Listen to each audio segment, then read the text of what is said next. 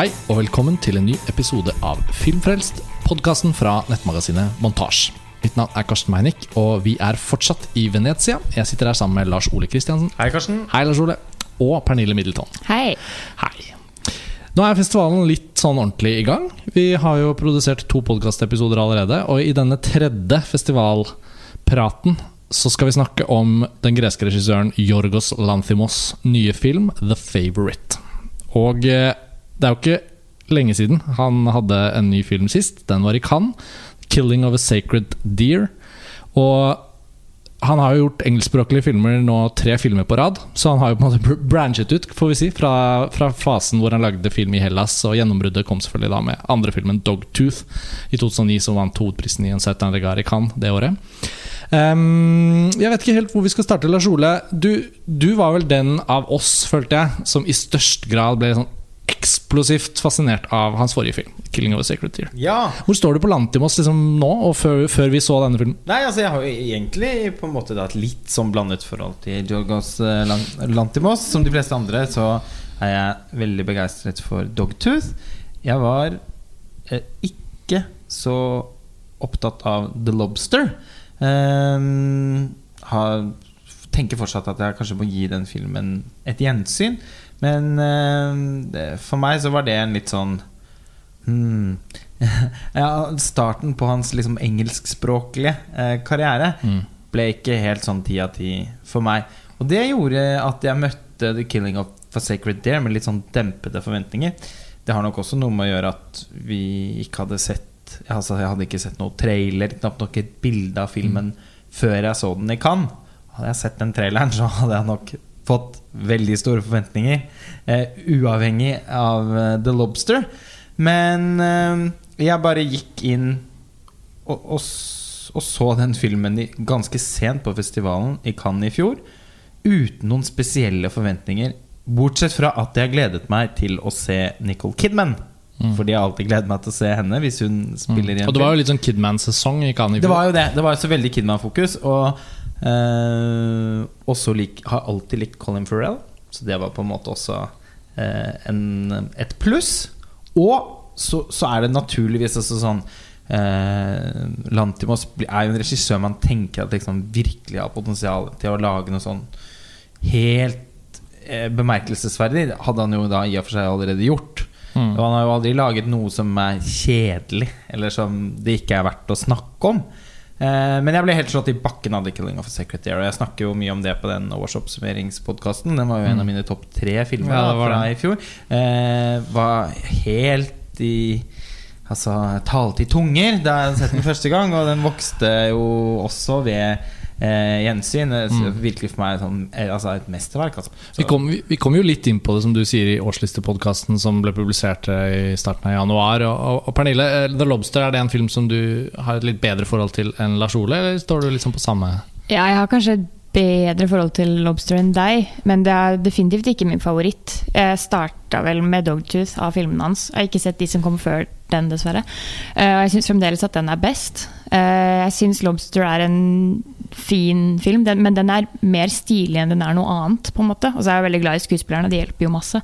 Men jeg syns 'Killing of a Sacred Deer' er eh, ganske mye bedre. Og også 'The Favourite', som vi skal snakke om nå, syns jeg også er bedre enn 'The Lobster'. Ja, for Men- dette var jo en film vi, vi alle hadde en veldig god opplevelse av, for å si det sånn, i går. Ja, altså, og nå møtte jeg jo en ny Lantimos-film med skyhøye forventninger. Ja. Eh, og eh, for å Altså mm, Alle har jo snakket om hvor åpenbare Kubrick-referansene eh, var- Eller referanser altså Mer sånn hvor åpenbart det var at Lantimos var inspirert av Stanley Kubrick i The Killing of a Sacred Deer. Jeg syns det var så herlig og at det var så skamløst. Og jeg har ofte tenkt hvorfor kan ikke flere la seg inspirere da av Kubrick sin måte å bruke steadycam på, eh, bruk av vidvinkellinser, sentralkomposisjon eh, og, og musikk. Musikkbruken fra The Shining spesifikt. da eh, Jeg syns det bare var helt vidunderlig. Og man, når man har da sett litt på markedsføringsmaterialet til eh, The Favourite, Mm. så ser man jo at eh, ja, ja, altså Det er vanskelig da ikke tenke på Barry Linden. Eh, fordi eh, Kubrick elementene åpenbart fortsatt er i spill. Så, og ellers har jeg forsøkt å vite så lite som filmen som overhodet mulig. Jeg så faktisk aldri hele traileren. Nei. Ja, det gjør jeg, og den har jo på en måte i i lang tid lagt alt på bordet for at du skal kunne gå inn med høye forventninger. Og det gjør det jo litt skummelt. For jeg, jeg har sett traileren et par ganger og har gledet meg sånn kjempemasse. Eh, kanskje det derfor ikke da føles som en sånn umiddelbar ti av ti. Men det er spennende å se hvordan den kommer til å vokse, da, tenker jeg. Eh, med flere gjensyn. Men Pernille, hjelp oss litt da med bare hva den handler om. Eh, Det er alltid gøy at noen får den oppgaven. Uh, The Favourite er jo den første av disse Lantimos-filmene vi snakker om nå som man ikke har skrevet selv. Og den er også basert på, eller i hvert fall inspirert av ekte personer. da Kan du gi oss en liten sånn introduksjon til plottet? Det er jo gøy. Altså, da jeg hørte at det skulle handle om Queen Anne, så tenkte jeg at det er spennende å se hvordan han skal pakke inn sin sånn surrealisme og eh, ja, skarphet i en sånn type handling. Eh, fordi Queen Anne ikke en person som jeg vet veldig mye om, men det hun er kjent for, er at hun eh, ble jo gal. Og er en veldig sånn melankolsk, eh, plaget dronning. Eh, på starten av 1700-tallet, er vi vel? Mm. Ja. To filmen foregår de første fire-fem årene av Ja, krig mellom England og Frankrike, i hvert fall. Ja. Som eh, Ja, det er på en måte settingen. Ikke at det er så stort fokus, den krigen. Det handler jo mye mer om henne. Og at hun Ja, hun mistet jo 17 barn, og det var liksom ikke måte på hvor plaget denne dronningen var. Så hun er stort i sentrum, og så blir vi også kjent med hennes eh, nære venn, eller de er vel kanskje ikke i familie, hun Sarah, Mm. eh, som spilles av Rachel Wise, som er da hennes viktigste støttespiller, og hun som egentlig holder fortet gående mens eh, eh, dronningen forfaller mer og mer. Og så kommer det da en tredje person inn, så blir vi vitne til et slags eh, trekantdrama. da. Og det, hun spilles av Emma Stone. Uh, ja. Ja, nei, jeg syns det oppsummerte det bra. Det er jo et veldig sånt, det er jo et veldig sånn hoff uh, En hoffskildring, et hoffdrama, en hoffkomedie. Um, Litt sånn upstairs, downstairs. Ja, det er litt upstairs downstairs. Altså, sånn, den, den liksom tar sånn biter av det som har blitt veldig populært. Etter liksom sånn, det er jo ikke samme epoke, da, men så ta sånn Gosford Park som ledet til Downton Abbey, altså alt det Julian Fellows har holdt på med. Eh, men så liksom 250 år tidligere, da, eller liksom veldig mye før i historien. Eh, da blir vi nærmere Barry Lyndon igjen, og det er liksom Det er gjørme-England, og det er hester og uniformer og veldig mye rar vilt som eh, spises Mye rar på hoffmiddagene. ja. Og lekes med. Og det er ikke noe Og lekes med. ja, Og det skytes. og, ikke og det fins ikke noe elektrisitet. Alle rom er sånn enten lysatt av store vinduer som liksom brettes av gardinene dras opp, eller da eh, stearinlys. Og sånn. Så det er på en måte Det er jo umulig å ikke tenke på uh, Berlin. Så Ja. Det er jo en film som sånn rent sånn miljøskildringsmessig skriver seg inn i en sånn type sånn britisk adel eh, og det kongelige hoff, da, selvfølgelig. Og som da veldig enkelt også blir hans flotteste film å se på. Fordi man, det er jo ikke noe å utsette på verken scenografi eller kostymer eller lyssetting, for den saks skyld. Nei, Altså, nå Å, har det ser jo så flott ut! Altså Kimios Bakatakis har vært eh, Lantimos sin faste fotograf. Han er jo også litt sånn slags norgesvenn. Eh, fordi han skjøt eh, blind til Eskil Vogt. Eh, og altså og, og, Helt klart Altså Jeg syns jo det, det mest bemerkelsesverdige han og Lantimos har gjort sammen til nå, da er denne The Killing of a Sacred Dare. Da. Eh, og jeg vil jo egentlig si at selv om eh, Lantimos nå har byttet fotograf, så syns jeg egentlig uttrykket er veldig likt. Eh, og, og, og det er en god ting. Mm. Men han har jo nå, jobber jo nå sammen med Robbie Ryan. Også en av, altså virkelig en av verdens beste fotografer. Som er kjent for sine samarbeid med Andrea Arnold og Ken Loach. Eh, altså American Honey, for eksempel. Mm. han. Altså, helt eh, fantastisk fotograf.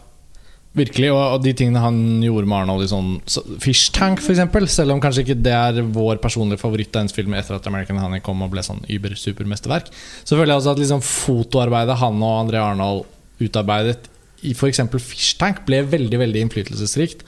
Og han har han har virkelig gjort et avtrykk. Altså, nå kommer det til å høres ut som en spøk, da, men på den samme måte som Oleg Mutu har vært en så viktig fotograf for det uttrykket som den rumenske nybølgen, hvis man kan kalle det det, har hatt på en litt sånn form for sånn europeisk sånn kald realisme.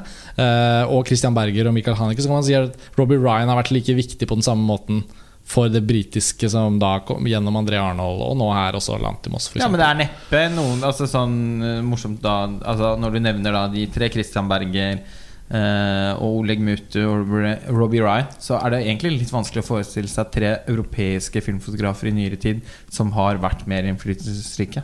Så vi kan jo håpe at Jakob, Ja, liksom Jakob Iri kanskje står igjen som Ja. fjerde. ja, ja, men altså det, det kan man håpe på. Men eh, de har jo virkelig liksom staket ut, kursen for estetikken i moderne europeisk film. Og The Eh, Favourite tjener jo veldig på dette ja, altså, Den ser da. helt fantastisk ut. Og Eh, Sandy Powell Helt enig med deg om at det er hans flotteste film sånn sett. Mm. Men ikke bare pga. scenografien og, og det vi faktisk ser, men også det med kamera som nevner, at han leker med oi, litt fisheye der og noen sånne helt vanvittige vidvinkler. Ja. Som gjør at det bare ser alt annet enn konvensjonelt ut. Ja, det, og, og, og det ser veldig altså, Det er veldig sånn spjåkete og gjøglete også. Jeg må si jeg foretrekker stramheten i 'Killing of a Sacred Deer'. Jeg syns fortsatt det er en estetisk enda mer gjennomarbeidet film.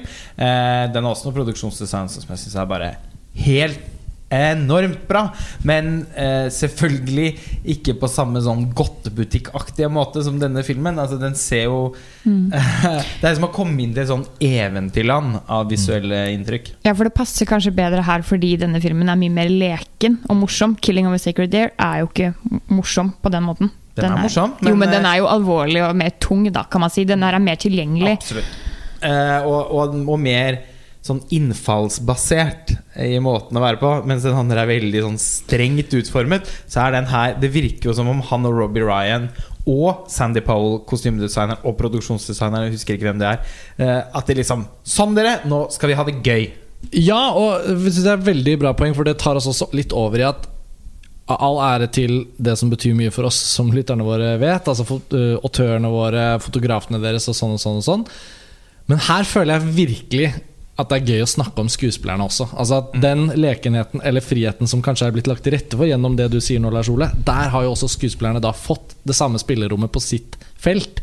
Og det er helt sikkert en supertight planlagt film og storyboardet, kanskje, og linsene er men de virker så lekne. Og om ikke det er liksom direkte improvisasjon, så føler jeg i hvert fall at Lantimos viser noe som også han viste liksom i Dogtooth, og det er flere eksempler hvor han virkelig ser ut til å liksom befri det som måtte være av tøyler på skuespillere som de har lært seg på, på teaterskoler og sånn. Han, han klarer liksom å slippe løs noe som han også er ute etter, men som det virker som skuespillere syns er veldig gøy å bli bedt om. Og det ser man seg her, særlig Olivia Colman i rollen som Queen Anne, og Emma, Thon Emma, Emma Stone eh, i rollen som hun kusinen fra utsiden, den unge nye.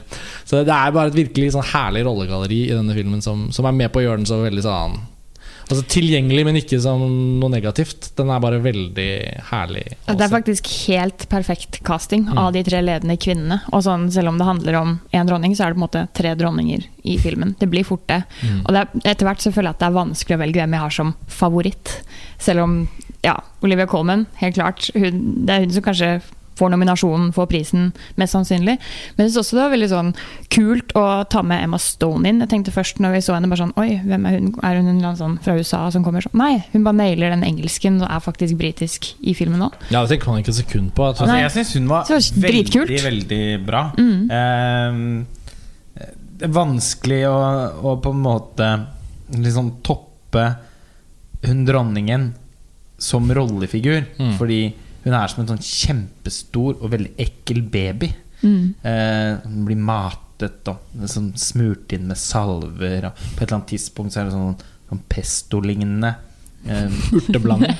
krem som skal smøres i noen sånn verkende, væskende sår på, lårene hennes. Lårene sine. Eh, og hun spiser kake, eh, for så å kaste den opp i en bøtte. Og så spiser hun igjen. den mer kake. Altså Hun er jo Og, hun har liksom- sånne kaniner som hun eh, har som sånn som slags eh, barneflokk som hun forholder seg mer til enn mennesker. Det er liksom baksiden av Marie Antoinette-medaljen, på en måte. Hvis, Ja. hvis det så veldig Hvis ah, Marie Antoinette hadde spist enda ganske mye mer kake Og vært 30 år eldre, ja, og upopulær og sykelig og hadde mistet 17 barn. Og litt mer sånne fleskepølser fra det kjøkkenet. Eh, så så altså, Ja, hun, og, og, Det er litt sånn vill film eh, i dette, da. I disse skildringene. Ja, eh, det, er- det er den mørke eh, Nå eh, viser jo Sofia Coppola sin film blant annet at eh, det var jo en absolutt en ba melankolsk bakside av medaljen for den fremmedgjorte Marie Antoinette òg. Men det er klart, du får det ikke mørkere enn det er i kjelleren. Og det er, det, er, Det er det her. Det er nettopp det. Jeg synes det var så interessant hvor ekstremt jævlig hun blir fremstilt. Og jo verre hun blir, jo mer sørgelig blir egentlig karakteren òg. Du, Mm. du kan jo ikke gjøre noe annet enn å føle med henne. Og Jeg bare heiet på henne litt sånn hele veien. Ja, for det er jo egentlig jævlig ja. trist. Ja, ja, ja. Og så var det jo, for de som ikke på en måte har visst det fra før av, da, så kommer det jo en scene for så vidt ganske tidlig i filmen, men hvis man ennå ikke da vet helt at, at hun f.eks. har hatt personlige tragedier som Fordi hun virker jo først og fremst bare helt gal. Eh, Men når hun forteller om at hun har mistet 17 barn, og at alle de syns jeg, litt skumle eh, 17 kaninene hun oppbevarer på, På soverommet, soverommet. sitt i, i bur, og av og til slipper ut. De representerer hvert av disse tapte barna. Altså, da ble jo plutselig filmen gripende. Og det var sånn Det ble ganske sånn dynamisk troverdig at det plutselig ble gripende. Sånn, ja, oi, jeg har litt hjerte for henne. Uh, Ja, hun spiller jo så bra. Ja. eh, Og hun klarer også å naile den over the top-måten å spille på. For det, det, det er jeg synes, altså, jeg, Noen ganger så var jeg oppriktig redd for at, at filmen skulle bli for sånn spill-opp, gjøgleaktig, som jeg ikke liker så veldig godt. Eh, og jeg kunne ta meg i Og så, vi kan det kan vi komme mer inn på etterpå. Men det var også typer villskap jeg ønsket mer av i filmen. Som jeg mener hadde kledd den. Men, eh, men, men hun er veldig bra. Og det er Emma Stone òg. Altså, hun Jeg var Og jeg, jeg kan ikke komme på en film hvor jeg ikke har likt henne, egentlig. Men hun Hun er jo ikke en udelt sympatisk figur i denne filmen, uten å spoile noe. Men, det er jo ingen som er det, på en måte. Nei. Alle har sine men hun er i gode hvert fall ikke bedre enn noen andre. Men hun er veldig flink i, i å være veldig sånn utspekulert. Alltid benytte en anledning til sin egen fordel. Og så Mye kan sånn øyespill. Så hun Ja, er jo den rollefiguren som ligner mest på Barry Lyndon som rollefigur. Han er jo også en sånn climber. Uh, og det er jo det som er så herlig med den historien. Hvordan den liksom handler om hele den reisen han tar. Fra at han blir ranet på landeveien der og mister alt, og så liksom hans egen reise oppover. Og en, en, en, det er jo ikke på langt nær like episk sånn i tidsforløp, selvfølgelig. The Favourite. Men det er en liten flik av det i Emma Stones rollefigur som, som jeg likte veldig godt. Ja, man, opportunistisk. Ja, veldig opportunistisk. Og man begynner jo på en måte Eller jeg vet ikke om jeg egentlig mislikte henne for det, men hun blir jo på en måte mer og mer en antagonist, for du skjønner jo hvor sånn sneaky hun egentlig er. Men samtidig, så Når du lærer mer om på en måte hvor hun kommer fra, da, at hun tidligere var adelig, har mistet eh, tittelen sin på et annet grusomt vis.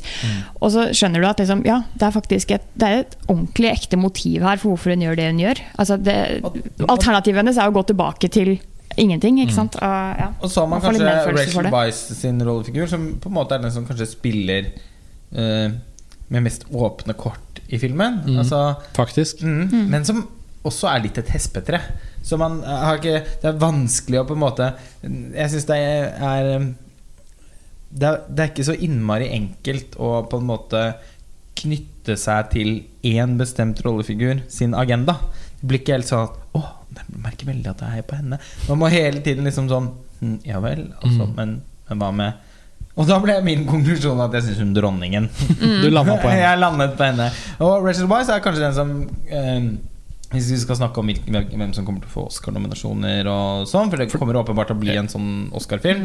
Eh, og da spår jeg kanskje at Rachel Weisz er den som ikke Altså Hun kommer kanskje litt i skyggen av de to andre, selv om hun er bra. Ja, det, det er jævlig synd. For jeg syns hun, hun egentlig er like god, på en måte, på, på sin måte, da. Uh, og det er bare noe med hennes kjølighet og uh, Ja, hennes kamp i å være favoritten, da, som jeg syns er altså, helt mesterlig. Og en av hennes beste roller, egentlig.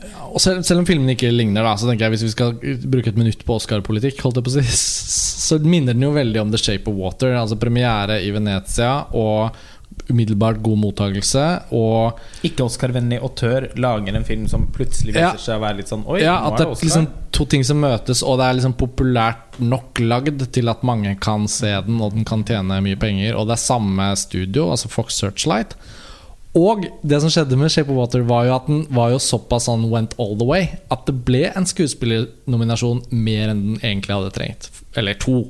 Eh, for både Richard Jenkins og Octavia Spencer. Det var jo helt I. I litt sånne Helt ok, men også litt sånne Ja, det må ikke bli Oscar-nominert. Det hadde vært Richard kul. Jenkins hadde vi jo åpenbart Han vi sett mye bedre i andre filmer. Ja. Selv om han gjorde ikke noe galt, men altså, det var jo med tanke på at uh, hvem som f.eks. ikke ble nominert for Nettopp. Newman, som Ja. da vi snakket om så mange før. Da. Og Octavia Spencer Ja. som bare vasker gulv. Og jeg vil si jeg liker da de, Og i hver film. ja, Og de tre her eh, vil jeg sånn umiddelbart si at jeg hadde liksom hakket enda litt mer sansen for det de gjør. Og det hadde jo ikke vært feil om Rachel Weisz fikk en nominasjon. Nei. Men dersom f.eks.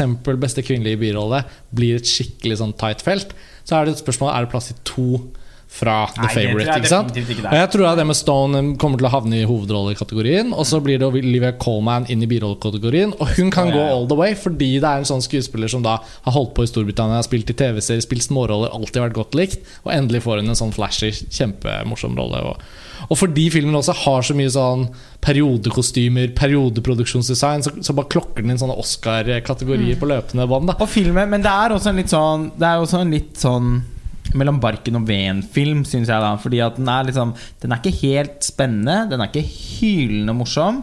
Den er ikke dypt gripende. Eh, den er en litt sånn eh, en, en litt sånn mellomting Mm. av den alt ikke dette. mest av alt liksom a piece of entertainment? Jo, den er underholdende. Det er én ting den ikke er, i hvert fall, og det er kjedelig. Kjente meg ikke et sekund. Nei, ikke et Men sekund. eh, den dro meg ikke i veldig sånn voldsomme retninger heller. Det, det blir også noe litt sånn monotont over den oppvisningen eh, filmen har. Og hvis den skulle lyktes med, syns jeg, å gjøre at jeg liksom virkelig Mm. eh, var i festhumør, så måtte den på en måte Ja, dratt alt bare enda lenger. Ikke på en sånn gjøglemåte, men drøyere motiver, rett og slett. Mangler det overskridende. Ja, det er det. Mm. Og det har The Killing of a Sacred Deer, og det har Dogtooth. Ja. Som jeg vil si er de, de, Det er vel da de to beste filmene til Antomos. Ja. Den trenger vel egentlig kanskje Den trengte vel å ta seg litt mer opp mot slutten, føler jeg. At det- ble et litt sånn dempet klimaks, rett og ja, det gjorde det òg. Ja. Og det Uten å si for mye om det, men trenger ja. ikke å gå så veldig inn i. Eh, men eh, jeg tenkte også ganske mye på at i begynnelsen der så er det noen sånn det var, Folk var jo så ufyselige på den tiden. Mm. Ja, de der sinnssykt De overdrevne, vasket seg, de vasket seg knapt. De vasket Gikk på do bak gardinene. Gjørme gjørme var ikke bare gjørme. Gjørme var jo som regel også bæsj. Ja. Altså sånn veldig sånn klar følelse at Og, og, og, og de, det, det, det veldig ubehagelige kjøkkenet i filmen med de der Med de arbeiderne der som virkelig ser ut som de eh, kan Ja. Det, eh, Det var på en måte ikke nok sykdom og møkk. Nei, det fordi det var noe med de fordervelse. tydninger som jobber på kjøkkenet, som ser liksom ut som de kunne veltet trær i skogen. Mm. om det trengtes i maten. Altså, eh, sånn, eh, det er en scene for eksempel, hvor Emma Stone skal, straff, skal straffes for noe av Rachel Wise. Hun blir bare, eh, fordi hun egentlig har en slags kjøkkentjeneste, så blir hun sendt inn der. Oh, ja, sånn. oh. og, og hun meget sånn kompakte eh, ledersken kokkersken ledersken. Kokkersken på, på kjøkkenet der tar fram en sånn, sånn pisk og denger løs på ryggen til Emma Stone. Veldig sånn Både veldig pragmatisk og åpenbart helt usannsynlig hardt. Veldig intens, bra lyddesign. Ja, du ser at hun har hender som planker, ikke Ja. sant? Og bare Ja. Kjempemor Veldig bra lyddesign. Mm. Eh, og i denne fasen av filmen tenker jeg Åh, mer av dette, og mer på det kjøkkenet og sånn. For der var det gjevt. Og eh, på et tidspunkt tidlig i filmen så ser man også at det er, en sånn, det er en fest hvor de har dekket noen border og sånn. Mm. Og noe som også jeg føler forsvinner i løpet av filmen, er litt mer sånn, litt mer sånn uhyggelig svære eh, spekepølser og rette. Salta bogskinker, flesk Altså Mye av den litt sånn uhyggelig, utrivelige maten også, som de spiste på den tiden. Eh, l altså 30% mer Peter Greenaway. Mer avføring, mer blod, eh, kroppsvæsker, eh, mat Altså mm, Ja, Få inn det koldtbordet fra Kokken Tyven, Ja. rett og slett. mer av det. Ja, fordi, og ikke minst fordi det ligger til rette. Dette er jo ikke noe vi bare nevner fordi det hadde vært gøy å se det i flere filmer. Men det er jo fordi denne filmen nærmest indikerer at den skal dit. Og så er det litt sånn at og, den helt, stopper og det er ting her som helt åpenbart er inspirert av Peter Greenaway nå, og, også. Altså Så disse utstoppede hundehodene Ja, ja. var jo en litt sånn kostelig bit som oh, bare var sånn inn, innskutt visuelt motiv som jeg tenkte Oi, skal vi den veien? Blir det mer av det her? Og det Ja. ble liksom litt mer, og så liksom ikke så mye mer. Ja, Den var litt sånn hele veien at den liksom Ja, Den legger ut masse følere, og jeg bare venter på at det skal få en avkastning. på en måte Så akkurat det, det er kanskje der den skuffer aller mest. da at det, For jeg venter på at det skal skje noe sånn plutselig. Et eller annet eh, smell av noe slag. Mm, ja. Som den også hinter veldig mye til, da, fordi jeg er ute og skyter veldig Ja, for det er sånn, det er mange sånn tikkende bomber i løpet Ja. av filmen. Ja, og så det- blir det Og da Venter på at begeret skal renne over sånn skikkelig, rett og slett. Enig! Og det da føler jeg også faktisk litt som at man kanskje ønsker å At filmen skal være litt bred, da. At man Mm. ønsker å kommunisere med et stort publikum. Ja, det er jo ikke utenkelig. Eh, For å si det sånn, en ung Lantimos hadde kanskje fulgt de impulsene som ledet til en film som Dogtooth, i større grad enn å følge de impulsene han gjør nå. Men samtidig så er det litt sånn Han har gjort så mye spennende og interessant, selv med de dårlige filmene hans. Er, eller ikke dårlig, men sånn En film som Lobster, da. Som, den har jo virkelig ideer, og den tester ut ting, og den prøver å få til eh, mye som fortsatt er interessant å tenke på, selv om jeg ikke likte filmen så godt, jeg heller. Um, og nå gjør han en sånn film som dette. Uh, det kommer jo ikke til å bli Som han ikke har skrevet selv. Mm, kan Nettopp, det være litt det- av mangelvaren? At han ikke har skrevet den selv? Ja, det mangler hende. litt av den quirken og den der, det Ja. uforståelige som han tilføyer. på en Ja, den quirken som er der, er en annen Ja. type quirk. Ja, altså, det er Jeg satt litt og tenkte Jeg visste ikke at han ikke hadde skrevet den selv. Jeg var rett og slett litt uforberedt. Mm. Eh, jeg hadde bare tenkt at jeg ville vite så lite om filmen som mulig på forhånd, fordi det var så gøy å oppleve 'Killing of a Secret Rearson'. Og eh, da Men jeg satt og tenkte underveis at jeg syns ikke, det føl- jeg synes ikke det høres ut som om han har skrevet dialogen. En interessant ting er at i hans filmer så er det totalt sett veldig lite vold. Men i både Dogtooth og Killing of Secretary så hviler det en sånn illevarslende følelse av vold over filmen, som slår veldig heldig ut på de abstraksjonene som da inntreffer. Eller liksom overnaturlige sånne ting. Sånn, sånn.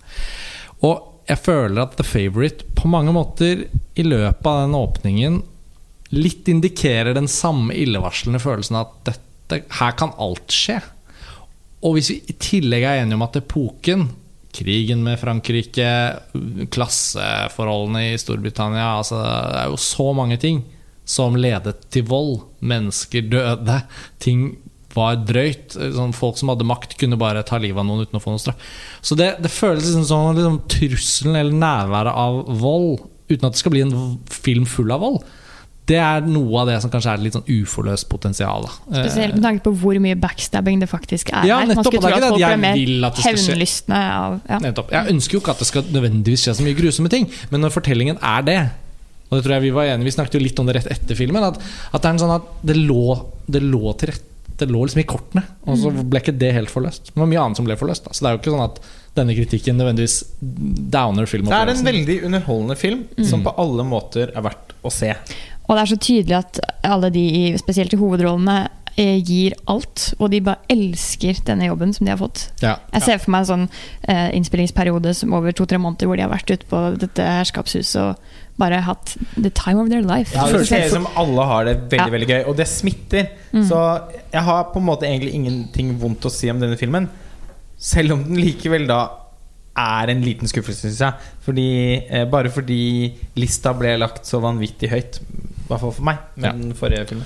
Jeg tror for generelle publikum der ute, og det norske publikum, så tror jeg de kommer til å ha en veldig sånn herlig opplevelse. Det, det tror jeg òg. Og, uh, og, og, og på en måte Og bravo uh, til det. Det blir ikke Fordi- vanskeligere for Lantimos å få laget andre ting nå Nettopp. heller. Så Nei, hvis altså- han har flere ideer i skuffen, så kan du jo Ja, og jeg har ikke noe imot at, eh, at på en måte Hollywood-produksjoner er sånn som denne er. Altså sånn Samme at selv om Shape of Water heller ikke var en av mine eh, store eh, favorittfilmer Ja, nå blir det på en måte i år, da. Fordi Nei, ja, norsk kinopremiere i år. Så er det jo ikke sånn at jeg ikke dypest sett også syns det er litt kult at en film som involverer et sjømonster, som innleder et seksuelt forhold til en stum kvinne, eh, vinner en Oscar. Regissert av meksikanske den elleville meksikanske autøren eh, Ja. Guillermo del Toro. Ja, Man må ikke Som- glemme det heller. Nei, ikke sant? Så, sånn, så, så tommel opp for det. eh, men eh, jeg gleder meg Ja, jeg håper Lantimos i sin neste film kanskje lager noe enda litt sånn strammere og, og, og, og enda mer kompromissløst igjen. Det, kan jo, det er vanvittig å snakke om å bruke ordet liksom det, altså, Dette er jo ikke en film som bærer preg av kompromisser. Nei. Men den bærer kanskje litt sånn preg av å eh, Åpne seg opp for et veldig bredt Man kan publikum. si at man åpner opp for lek, men innenfor et avgrenset rom. Mm. Enig. I hans neste film så er Colin Farrell tilbake også, så det blir jo gøy uansett å se. Det blir gøy. Bra, det var det om The Favourite. Eh, Filmen kommer på norske kinoer til vinteren, antageligvis i forbindelse med Oscarsesongen, og sånt, så da kan vi jo se for oss en sånt januar-februar-vindu. Det er det mest sannsynlige, iallfall. Vi er fortsatt i Venezia og skal fortsette å se film, og nye episoder er på vei. Takk for at dere hører på Filmfrelst, og så høres vi igjen snart. Ha det bra. Ha det. Ha det.